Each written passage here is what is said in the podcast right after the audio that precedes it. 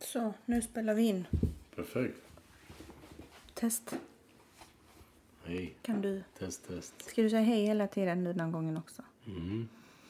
Okej, så nu har du äran att vara med i min podd.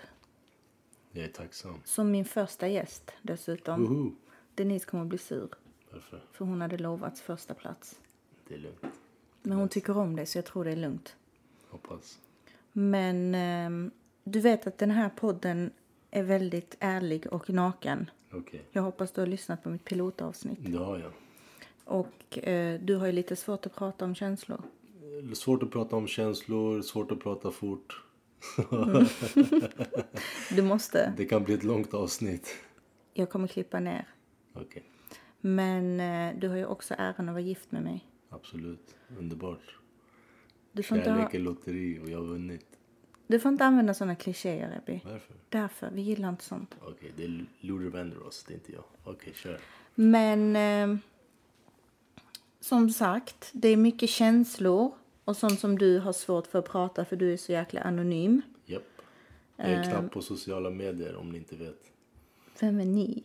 De som lyssnar. Såklart. Man pratar till lyssnarna, eller? Så jag är inte med i några poddar. Det här är första gången. Jag är inte med i sociala medier så mycket. Jag har något, några konton här och där. Men som sagt, inte så aktiv. Yes, I motsats till mig då. I motsats till dig som exponerar hela vårt liv och allt möjligt. Vilket Mm, är en peak. eh, till en... eh, Det är bra. Det är bra för mänskligheten tror jag. Du är sån tönt. Men eh, vi kör. Jag svettas redan. Ja, Jag ser det. Det är tur att det är en podd. tur det.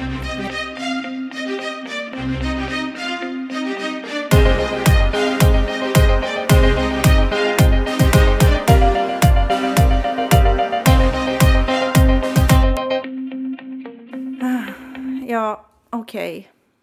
Nu ska du vara med här. Japp, Eh, och jag gillar inte så här presentationer. okej. Men känner du att du vill presentera dig? Nej, jag är din man. Nu kör vi. Och du heter Ebby. Det räcker va? Det räcker. Okej. Men okej, kolla här. Nu släppte jag det här pilotavsnittet. Ja. Och där jag pratade om eh, bland annat sorg. Ehm, och det är lite tabu att prata om sorg eftersom ehm, samhället tycker att man ska älska sina barn och man ska tycka att allting är fantastiskt och kul och de är aldrig liksom, det liksom, Mm. man har fått det man har fått och man ska bara vara, det är kärlek och rosa moln hela tiden. Just det. Och det jag ehm, då Vilket det motsäger, inte är. vilket det inte är. Det är klart att man älskar sitt barn och man Ja, gör ja, allt för sitt barn och det är därför det finns en sorg för att man Absolut. hade önskat mer för sitt barn. Eh, Jag har fått jättemycket bra feedback där folk har sagt att det är så skönt att någon kan liksom öppna upp och prata om den känslan att det är jobbigt och man hade ångrat eller man hade önskat att allt var annorlunda. Men jag har också fått till mig att det är funkofobiskt att uttrycka sig så att man skulle önska mer för sitt barn än hans lilla värld som jag sa. Och jag tycker inte egentligen att jag ska behöva förklara det men jag skulle ju verkligen, det jag menar är ju att jag vill ju att ni då ska njuta av sol och bad och um, kurragömma och kalas och bli glad när man busar och allt ja, det där. Absolut, absolut. Allting är relativt. Men jag menar, folk, oavsett vad du gör så kommer folk ha åsikter. Är det något... Eh, har man, det på, har man åsikter tycker jag, det är kanske därför jag också inte är så ofta på eh, sociala medier. För, för jag kanske inte klarar av negativ kritik. Jag kanske inte klarar av, jag gillar inte konflikter, jag är konflikträdd. Så jag gillar inte ens att kanske vara på sociala medier för man kan få, det finns så mycket negativt där ute. Men jag tänker så här att eh, absolut, alla kan ha sina åsikter men man kommer inte ifrån den här, man kommer inte ifrån sorgen om man säger. Alltså, man är inte deprimerad hela tiden eller man är inte ledsen hela tiden men då och då så känner man så här jag önskar att min son också kunde göra det här. Spela fotboll, springa med mig, simma, göra det här, uppleva saker. Jag vill lära min son vissa saker. Jag vill... Eh, Fader-son-relation, den, den är lite annorlunda. Den är lite, inte som andra liksom, föräldrar och barn eller pappor. Så den känslan, eh, det är svårt att förmedla, det är svårt att förklara för föräldrar utan barn med eh, eh, funktionshinder eller eh, diagnoser. Men Men eh, ja, jag fattar vad du menar, men jag tycker ändå att det är viktigt att förklara vad man menar när man säger att det är en sorg. Det är inte en sorg att jag har Niro. Det är Nej, nej, absolut, inte. absolut Jag älskar. Niro Ja, över, ja, ja. över allt annat.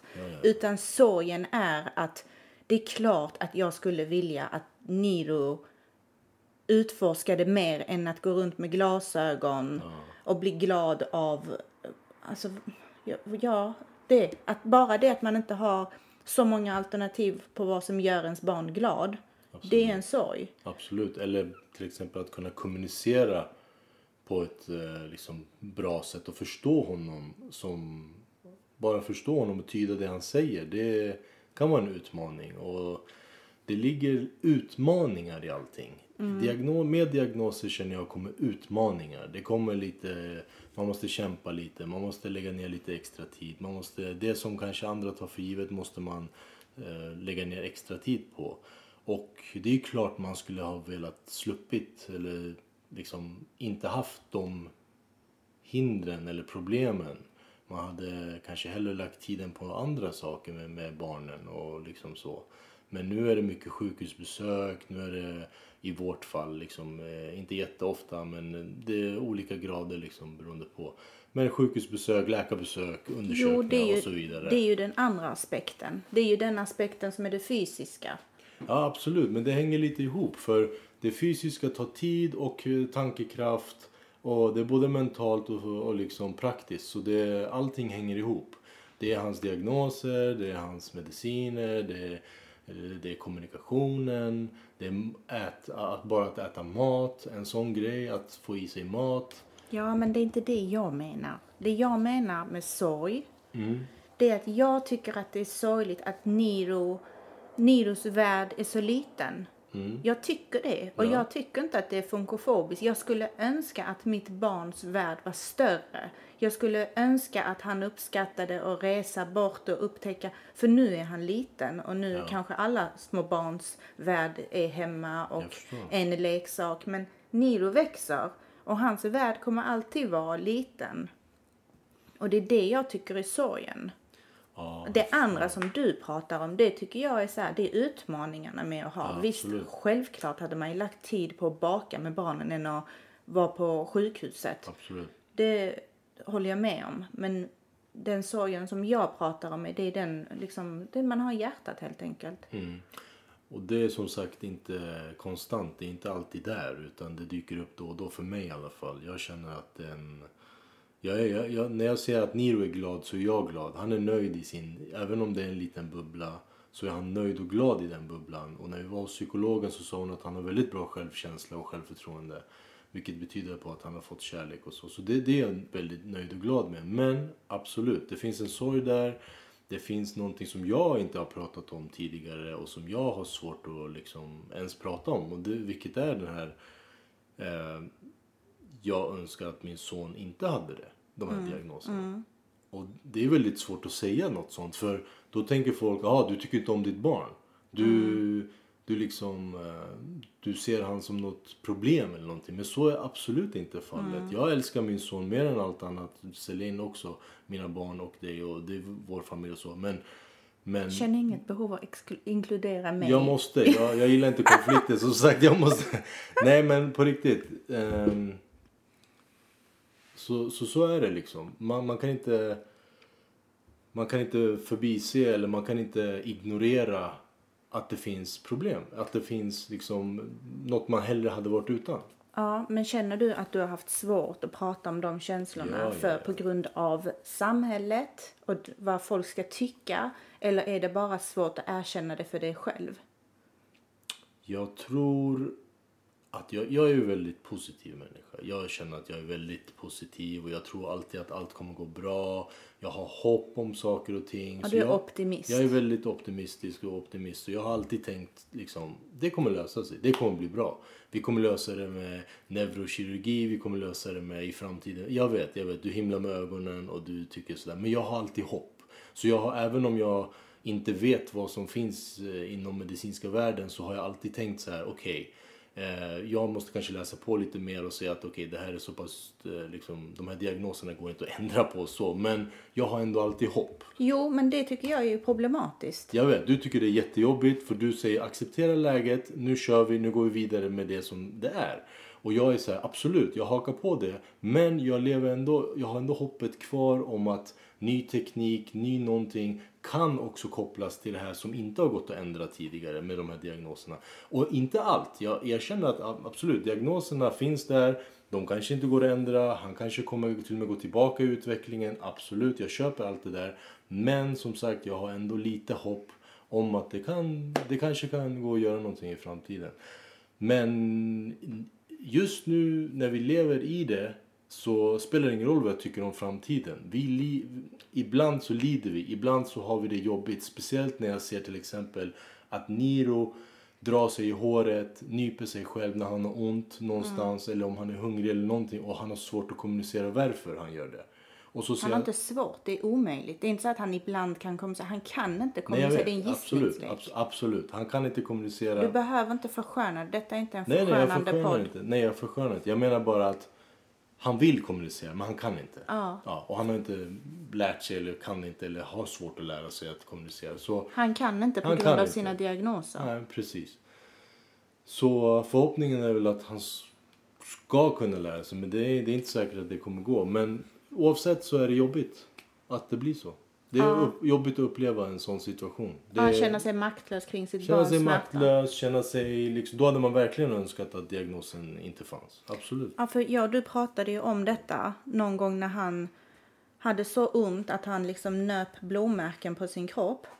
Och vi har, det har ju ändå normaliserats. Jag menar när en sån sak händer dagligen ja. så blir ju inte reaktionen hos oss i ren panik varje gång det händer. Inte Självklart panik, är det frustration men det är inte panik. Och vi pratade just om det att skulle Celine bete sig på det sättet vid något tillfälle så skulle det vara helt andra känslor som hade kommit upp för att det är inte vanligt förekommande. Och då var ju diskussionen kring folk som inte har barn med diagnos kan inte förstå de känslorna vi måste bära på. För att om någonting litet händer deras barn och de hamnar på akuten eller du vet, det händer absolut, ju. Barn är busiga, absolut, de kanske bryter ett ben. Den känslan av att ens barn har så ont. Att vi ska leva med det. Jo, så är det absolut. Du har helt Hur tar det på våra krafter? Liksom? Hur tar det på dina krafter? Hur, hur kan man vara optimistisk då?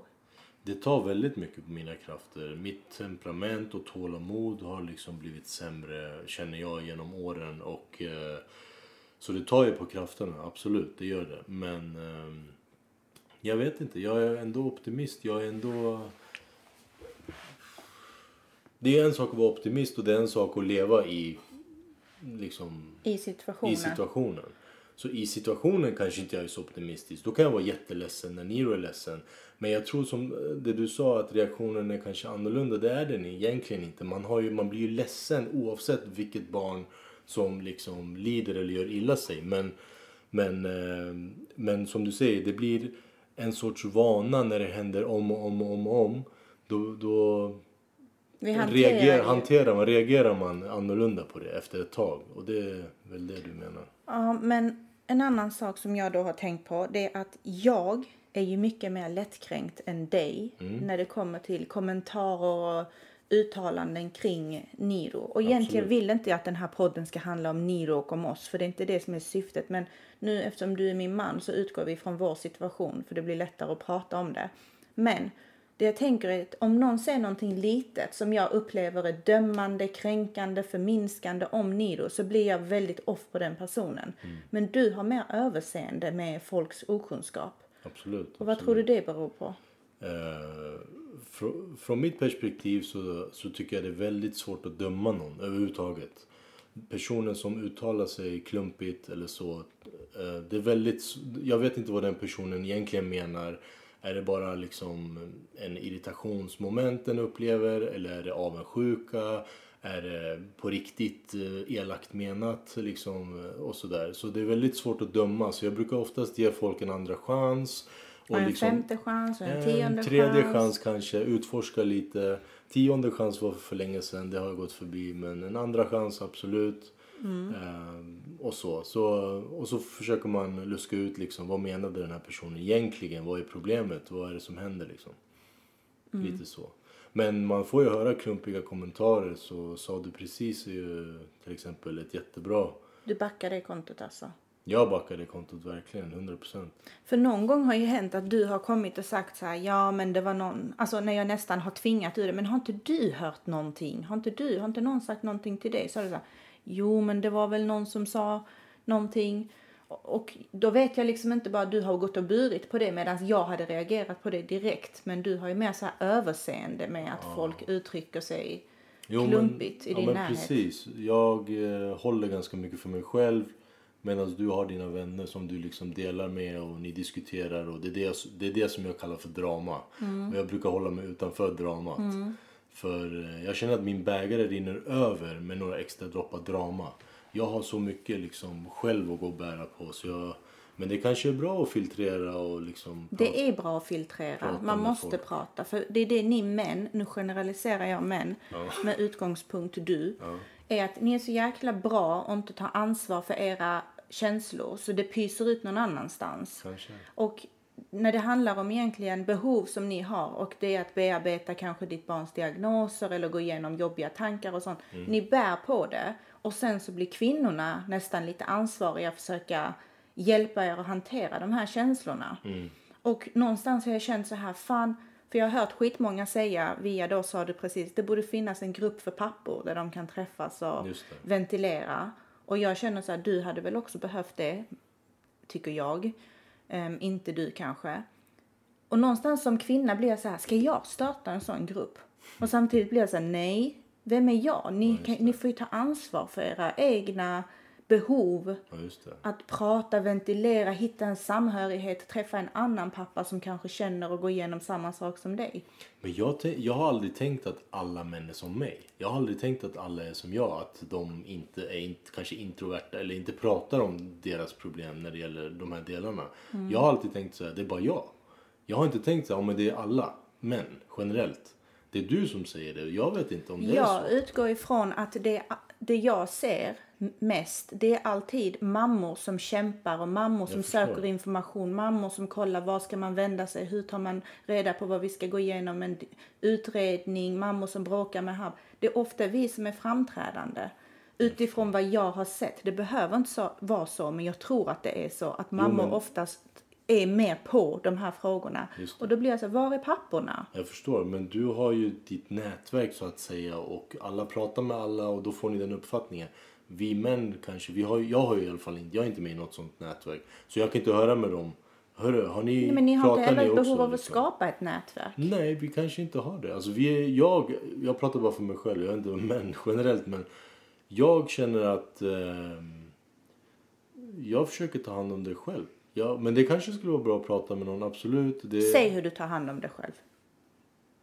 Ge mig Eh. ett exempel på hur du försöker hantera jobbiga känslor själv. Ja, man kanske inte tar hand om dem. Man kanske inte... Jag vet inte, man kanske inte tar hand om dem alls. Nej, precis. Och när vi pratar, ibland kan jag Sporta, visa... man sportar kanske. Nej, det är skitsnack. Man försöker ladda batterierna på något sätt. Att ladda batterier och hantera Ja. känslor är helt olika saker. Absolut. Men när jag och du, om vi sitter någon gång så kan det komma upp så här minnen på telefonen. Så är det så, åh kolla Niro och Celine. Du blir alltid tårögd. Inte när jag alltid. Många gånger. 99,9 gånger blir du tårögd och ledsen. Och du har själv sagt, det här är en ärlig podd så nu blir du helt generad. Och jag har inte gett dig förvarning att jag ska ta upp de här grejerna. Men du Nej, brukar säga så här, du bara, så fort jag tänker på ni då kan jag börja gråta.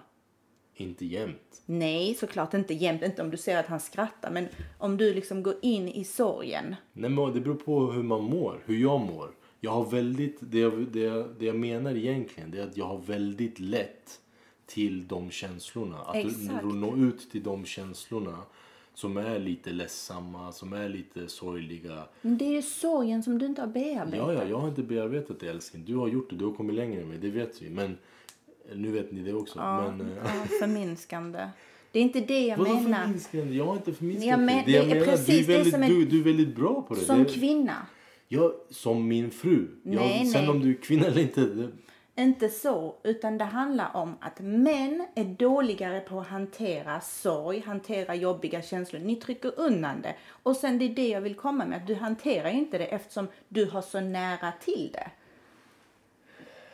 Och som kvinna så är man ju bättre på att hantera det. Jag skriver med flera andra på sociala medier, jag pratar med mina vänner, jag kanske jag, hanter, jag går till psykolog. Jag hanterar ju de känslorna. Jag får ju utlopp för den sorgen från något håll. Medan ni trycker in det och sen så kommer det situation du bara, jag har väldigt nära till de känslorna. Att ha väldigt nära till de känslorna innebär ju i praktiken att du inte har bearbetat dem. De är precis där inom Så kan det vara. räckvidd. Det är mycket möjligt. Och det är inte någon möjligt. attack mot dig. Jag säger så, jag tror att män generellt är så. Menar du förnekelse då? Eller så Nej, absolut inte. eller Nej, jag tror det har med typ machokulturen, man ska vara stark, man ska Absolut vara... inte. Inte för min del. Jag tror det. Jo, men inte för min del. Okej. Jag är inte macho alls. För mig, jag, jag är ärlig och jag är öppen och så när det väl gäller. Men Men du tycker det är drama att Mm. gå in i de känslorna? nej, men om vi tar till exempel psykolog. Mm. Det, är väldigt okunnigt att säga det, men jag känner att jag, jag kanske inte kan få den hjälp. Alltså, jag tror inte en psykolog kan få mig att ändra dem, ta bort de känslorna. Kanske inte ha så nära till dem, absolut. Men jag tror inte en psykolog kan ta bort hur jag känner. Nej, men ingen har velat haft som syfte att ta bort känslorna. De känslorna finns ju där. Det är ju en känsla. Det är ju som att säga så. Mm. Det är hur man hanterar att, dem. Att hantera sorgen efter någons bortgång. Och det är också en sån grej att sorg ska alltid förknippas med någons bortgång. Och man kan inte prata om sorg över ett barn som faktiskt lever. Men det handlar inte om det. det hand, sorgen egentligen i grund och botten har att göra med det barnet som inte blev. Den föreställningen jag hade om livet vi skulle ha, det blev inte. Och det är sorgen. Det handlar inte om att säga jag sörjer Nido. Det gör jag inte. Jag är ledsen att han inte får upptäcka och leva mer och slippa smärtor och slippa sjukhusbesök. Att han inte bara kan vara som alla andra barn. Men sorg är så tabu att prata om levande barn. Det ska alltid associeras med bortgång av någon. Och att du säger att en psykolog kanske inte hjälper dig få bort de känslorna kommer inte gå bort. Lika mycket som man saknar någon som har gått bort för alltid. Lika mycket kommer man tycka att det är sorgligt och ha ett barn som har speciella behov som är väldigt påfrestande för barnet och för familjen. Och det måste man våga prata om. Och det måste man ha i sitt liv och det kommer man alltid ha i sitt liv.